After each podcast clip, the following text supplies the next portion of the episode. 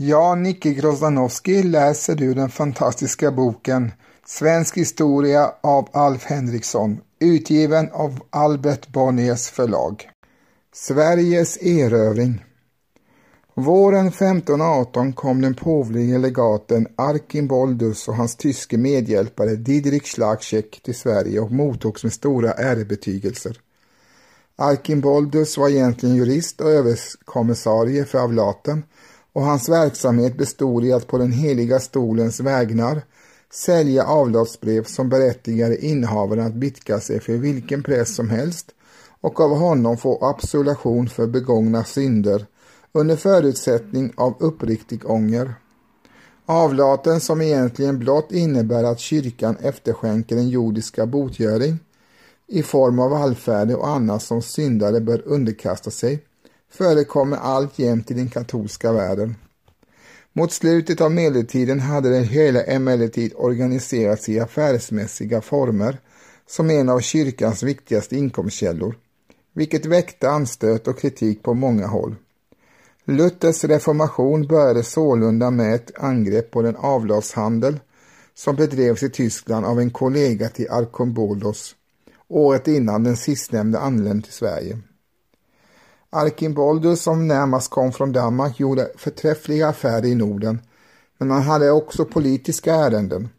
Han hade i uppdrag att mäkla fred mellan Sten Sture den yngre och den svenska ärkebiskopen och under uppehållet i Danmark lyckas han att börja med att få till stånd ett kortare uppskov med det hotade kriget mellan Sten Sture och kung Kristian den andre. I Sverige togs han strax itu med varje handa, sålunda skickade han den 28-årige Uppsala kanicken Olaus Magnus till nordligaste Sverige, där avgudadyrkan bodde, ett initiativ som fick litterära följder. Av Sten Sture bemöttes Arkimboldus med all reverens.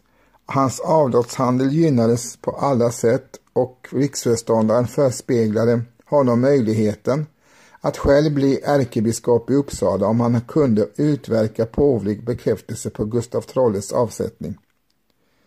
Archimboldus tycks inte ha varit okänslig för denna lockelse, vilket rapporterades till kung Kristian av den lömske Didrik Schlagcheck och när Archimboldus året därpå återkom till Danmark fick han därför ett bistert mottagande av kungen som utan vidare lade beslag på alla hans avlatspengar och svenska presenter och hotade att kasta honom själv i fängelse. Den stackars legaten flydde skyndsamt till Lübeck men där fann han reformationen i full gång och reste därför vidare till Rom där kung Kristian redan hade låtit klaga på honom hos påven. Av denne lär han allt framgent ha betraktats som en suspekt figur efter sitt korta gästspel i Sveriges historia. Didrik Schlagcheck gick däremot i kung Kristians tjänst och fick snart mycket stort inflytande. Archimboldus diplomatiska gärningar kunde inte ens medan de pågick bevara stilleståndet mellan kung Kristian och Sten Sture. Sommaren 1518 landsteg kung Kristian med en armé av tyska knektar utanför Stockholm och mötte en svensk här i trakten av Årsta söder om staden. Drabbningen som i hävderna kallas slaget vid Brännkyrka blev en seger för Sten Sture. Men kungen som hade ockuperat Södermalm höll sig dock kvar där tills det började lida mot höst och han måste uppge sina resultatlösa försök att inta Stockholm och gick ombord på flottan igen. Hårt väder tvingade honom att ligga kvar i skärgården och han begagnade väntetiden till att gå i land på Upplandskusten och göra en räd mot Uppsala. Han led emellertid brist på proviant och när hans folk av den anledningen började desertera inledde han underhandlingar med Sten Sture. Man kom överens om ett sammanträffande vid Österhaninge kyrka och som gisslan för kungens säkerhet under mötet skulle sex svenska män av hög rang tas ombord på danska flottan. Hemmingad, Gustav Eriksson Vasa, Dag Siggesson Sparre och tre andra herrar begav sig alltså iväg i en liten båt och vid inloppet till Skuresundet togs de ombord på ett danskt fartyg som förde dem till Älvsnabben där huvuddelen av danska flottan låg.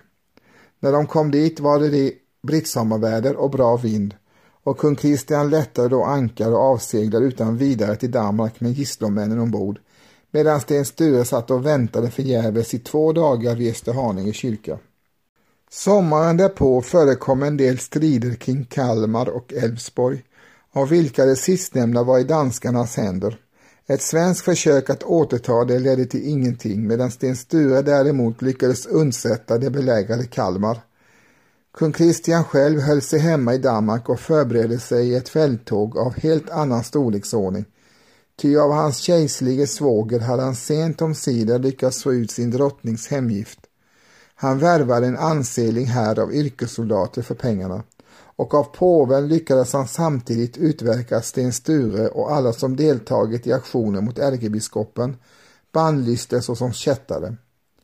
På nyåret 1520 bröt den stora armén via Småland in i Västergötland där Sten Sture under tiden hade samlat 10 000 man och förskansat sig bakom isvallar på stranden om sjön Åsunden nära den lilla staden Bogesund som numera heter Ulricehamn. Under befäl av en general vid namn Otte Krumpen gick de kungliga trupperna omedelbart till angrepp och striden hade knappt börjat förrän Sten Sture träffades av en kanonkula som dödade hästen under honom och krossade hans ena knä. Förvirring utbröt genast i hans här som skingrades åt olika håll och danskarna kunde obehindrat tränga vidare åt norr. De hejdades ett ögonblick i Tiveden där marschvägen hade spärrats av med bråtar av nedhuggna träd. Men efter en del blodiga skärmytslingar tog de sig förbi bråtarna och stod snart ända i Västerås. Den sårade Sten Sture befann sig då i Strängnäs och vid underrättelsen om genombrottet i Tiveden skickade han bud till den avsatte ärkebiskop Trolle och försökte försona sig med denne. Ärkebiskopen svarade mycket tillmötesgående men på väg till Stockholm ett par dagar senare dog Sten Sture den yngre av sitt sår i en släde på Björkfjärdens is. När våren kom var praktiskt taget hela Sverige så när som på Stockholm och Kalmar i kung Kristians händer. Och i maj kom denne själv sjövägen från Köpenhamn och löpte in på Stockholms ström. Dessförinnan hade de rådvilla svenska herrarna hållit diverse möten och gjort sitt bästa för att ordna dagtingan och få slut på de främmande truppernas härjningar som var svåra på sina håll och ledde till nya skärmytslingar och meningslös blodutgjutelse. Biskop Mattias i Strängnäs som hade varit Sten Stures kansler var ivrigt verksam för att stoppa partisankriget och biträddes snart av den gamle Hemmingad som hade återkommit till Sverige i kungens sällskap. Stockholm och Kalmar lyssnade dock icke till dessa fredsröster. Befälet fördes på båda ställen av damer. I Kalmar satt fru Anna Bjelke, änka efter en son till Engelbrekts mördare och befryndat såväl med de yngre Sturarna som med Gustav Vasa. Och i Stockholm kommenderade Sten Stures änka, den 26-åriga Kristina Gyllenstierna, som sökte bevara väldet i Sverige åt sina efterkommande. Med en viss framgång vädjade hon till allmogen i olika landsdelar och lyckades åstadkomma en kortlivad bonderesning i Bergslagen. Och hon förhandlade också med kungen av Polen om hjälp och skickade i det ärendet kanslern Peder Sunanväder till Danzig, åtföljd av hennes sjuårige son Nils, som på så vis sattes i säkerhet. Med de fredsvilliga svenska herrarna som vid ändamålet samlades till ett möte vid Spånga kyrka vägrade hon att träda i förbindelse med och då Strängnäsbiskopens sekreterare Olaus Petri, den blivande reformatorn, jämte en kollega från Uppsala skickades till Stockholm med begäran om ett samtal blev de bortjagade med kanonskott från Helgeandsholmen. Sedan kung Kristian hade anlänt med sin flotta försämrades naturligtvis läget för Stockholms försvarare. Men man hade gott om proviant för att uthärda en belägring och några utsikter att ta staden med storm fanns knappast. Emellertid hyllades kungen av de svenska ständerna vid ett riksmöte i sitt läge utanför Stockholm, varefter han på övrigt sätt gjorde sig populär genom att skänka de församlade bönderna en halv tunna salt var.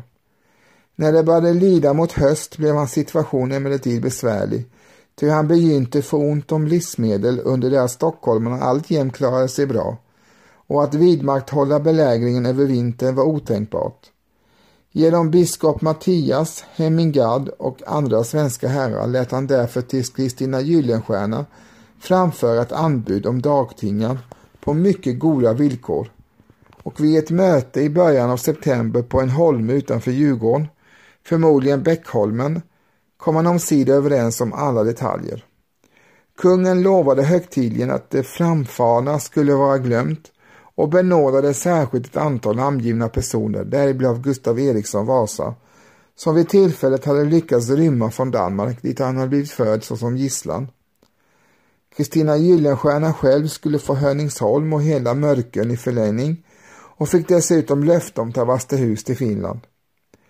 Sedan allt detta hade blivit bekräftat skriftligen gick stadens borgmästare ut på Södermalm och överlämnade stadens nycklar till kung Kristian, som därpå höll sitt magnifika intåg i Stockholm och kort därefter seglade hem till Danmark i ett slag.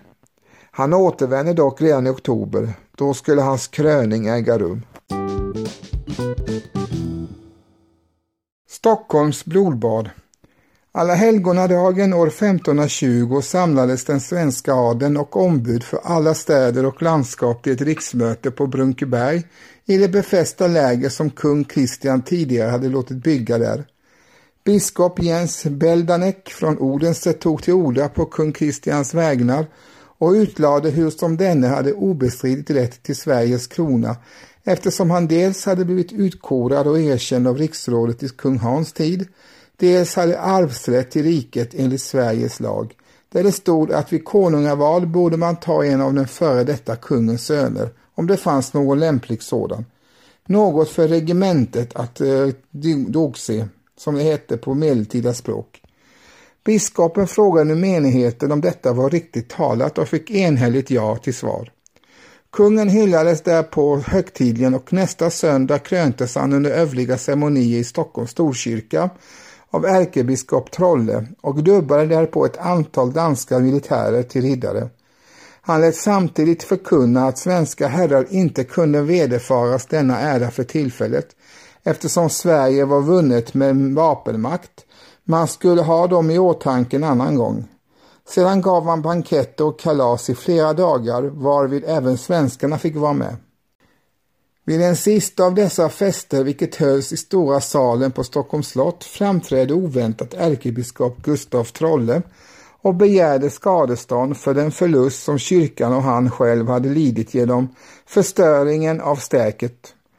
Christian Gyllenstierna, som naturligtvis känner sig träffad på den döde Sten Sture den yngres vägnar, begick då oförsiktigheten att genast överlämna till konungen det dokument i vilket deltagarna i 1517 års riksmöte, en för alla och alla för en, tog ansvar för beslutet att avsätta ärkebiskopen och riva stäket och därmed gav hon kungen vapen i händerna gentemot Sturarnas vänner och medlöpare. Han kunde nu hävda att för sin personliga del hade han förlåtit sina forna motståndare och lovat att det gångna skulle vara glömt. Men undertecknarna av detta dokument hade blivit bannlysta av påven såsom kättare och det var hans kristliga plikt att se till att de fick sitt straff. En rannsakning sattes alltså igång genast och pågick vid ljus och fackelsken till sent på kvällen. Biskop Brask klarade sig med hänvisning till sin lapp, säger Olaus Petri, men biskop Mattias, biskop Vicentius i Skara, ett antal världsliga stormän och åtskilliga Stockholmsborgare arresterades omedelbart och fördes i fängelse direkt från gästabudssaden. Nästa dag, den 8 november 1520, tillsattes i all hast en andlig domstol med uppgift att avgöra huruvida de anklagade var skyldiga till brott enligt kyrkans rätt en fråga som de arma prelaterna inte kunde undgå att besvara jakande. När de hade avslutat sin session och just hade ätit middag, lunch skulle vi numera säga, kom någon inrusade i salen och ropade att nu fördes biskoparna av Skara och Strängnäs fångna ut ur slottet. Budskapet vars innebörd var alldeles solklar fyllde dem med häpnad och fasa. Ty de hade inte tänkt sig att straffet skulle komma så snabbt eller bli så strängt och biskop Jens Beldanek som var den enda dansken i sällskapet vägrade i det längsta att tro att det var sant. När uppgiften bekräftades rusade han iväg för att tala med kungen, men möttes på vägen av Didrik Slagczek som sägs ha varnat honom och domstolens övriga ledamöter för att blanda sig i saken vid risk att själva få dela de dömdas öde. Man kan förstå Jens Beldaneks tvivel, även eftervärlden som dock har haft en lång tid på sig att vara efterklok, står förundrad inför händelserna i Stockholm den 8 november 1520. Det hela kallas som bekant för Stockholms blodbad och vi har kvar såväl kätteridomen som en visserligen partisk men dock saklig berättelse av ett ögonvittne, nämligen Olaus Petri, sekreterare hos biskop Mattias som blev det första av offren. På morgonen förtäljer Olaus Petri lät kung Kristian blåsa i trumpet och påbjuda att ingen fick gå ut ur sitt hus. Vid middagstiden fördes fångarna från slottet till Stortorget varvid tydligen utegångsförbudet upphävdes. Ty en dansk rådsherre vid namn Nils Lycke trädde därefter ut på rådhusets burspråk och höll ett tal till folket som fick höra att vad som skulle ske skedde på den svenska ärkebiskopens begäran. Biskop Vicentius ropade då till honom att han ljög och beskyllde kungen för lögn och förräderi.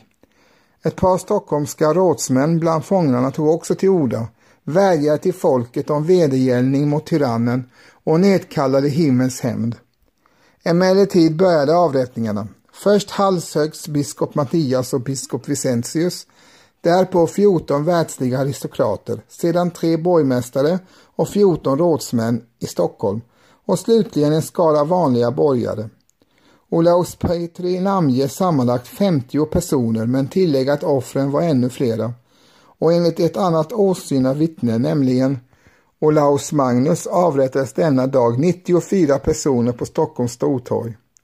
Blodbadet fortsatte även de följande dagarna då man dessutom hängde en massa folk i en galge på torget. Kropparna fick ligga kvar där i tre dagar och rännila och blod och lerigt vatten rann ner för grändernas rännstenar i novembervädret. Slutligen forslades de döda till Södermalm och brändes så som kättare på bål, ungefär där Katarina kyrka ligger nu. Liken av Sten Sture, en liten son till honom, och en nyss avliden Stockholmspräst grävdes samtidigt upp och brändes så som olagligt jordfästa under den tid då Sverige hade varit belagt med påvlig ban och interdikt. Tesen att Stockholms blodbad blott var den världsliga verkställigheten av kyrkans dom över kättare vidhölls alltså mycket konsekvent. Vem som egentligen anstiftade Stockholms blodbad är en fråga som har diskuterats mycket i svensk historieskrivning, inte minst på senare år.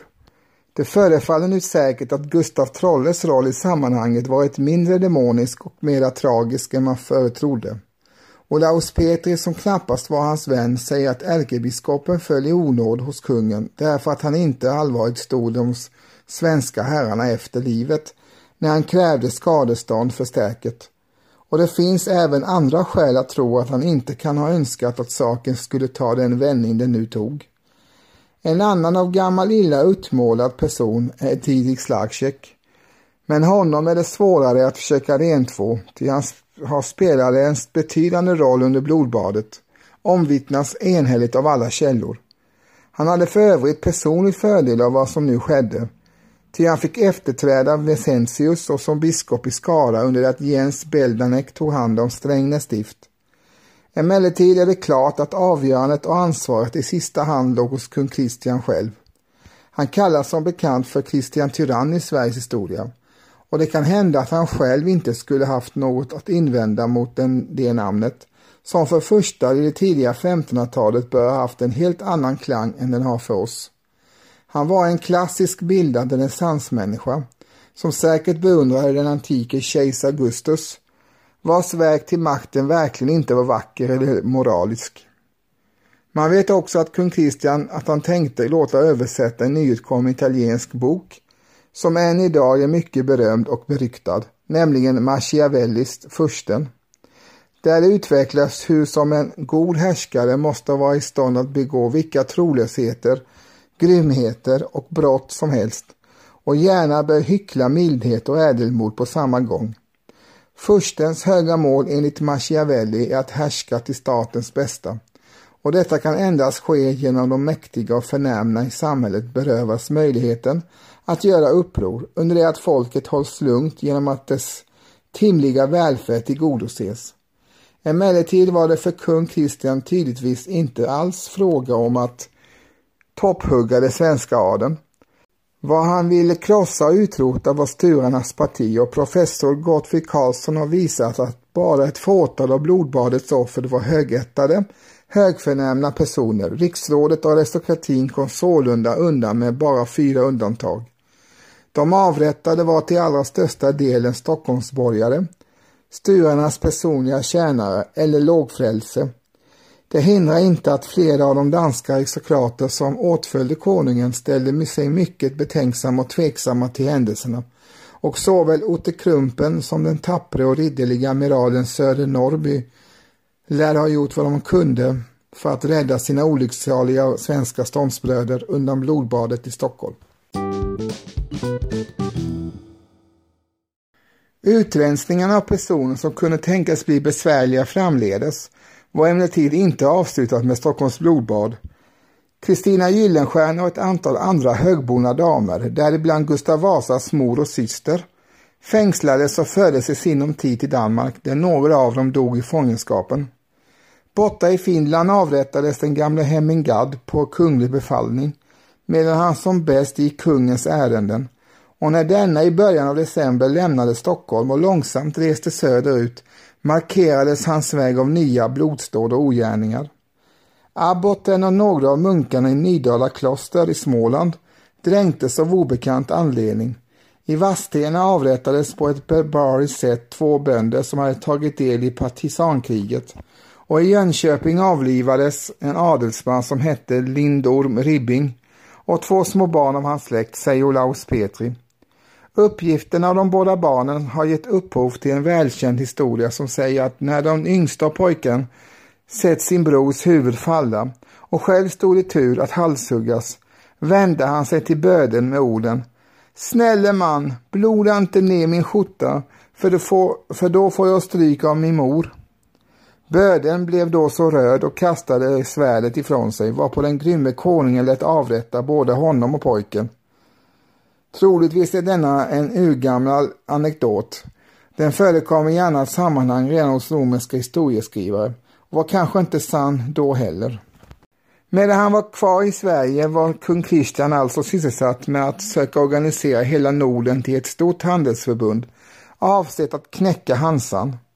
Ett avtal om detta hade träffats i samband med hans kröning i Stockholm där borgmästarna i Malmö och Köpenhamn hade varit med och diskuterat saker med sina svenska kollegor. Mynt, mått och vikt skulle bli gemensamma för alla tre länderna. Ett postväsen skulle organiseras med brevbäring i städerna. Förbindelserna med de gamla vikingakolonierna på Grönland nära det nyupptäckta Amerika skulle återupptas.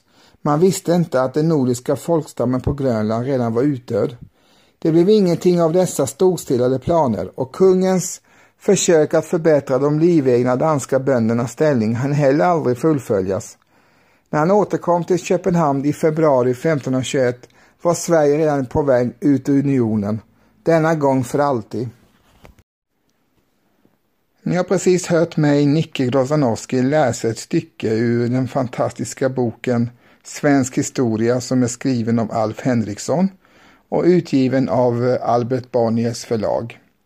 Signaturmelodin ni hörde i början är ju den berömda Fjäril vingar syns på Haga, även känd som Fredmans sång nummer 64, som är gjord av Carl Michael Bellman. Och som avslutning får ni höra Par Deus med gruppen Gotthard. Podden utkommer två gånger i veckan, lördagar och onsdagar, med bonusavsnitt lite då och då, så håll utkik. Tack för att ni lyssnade. På återhörande. Hej!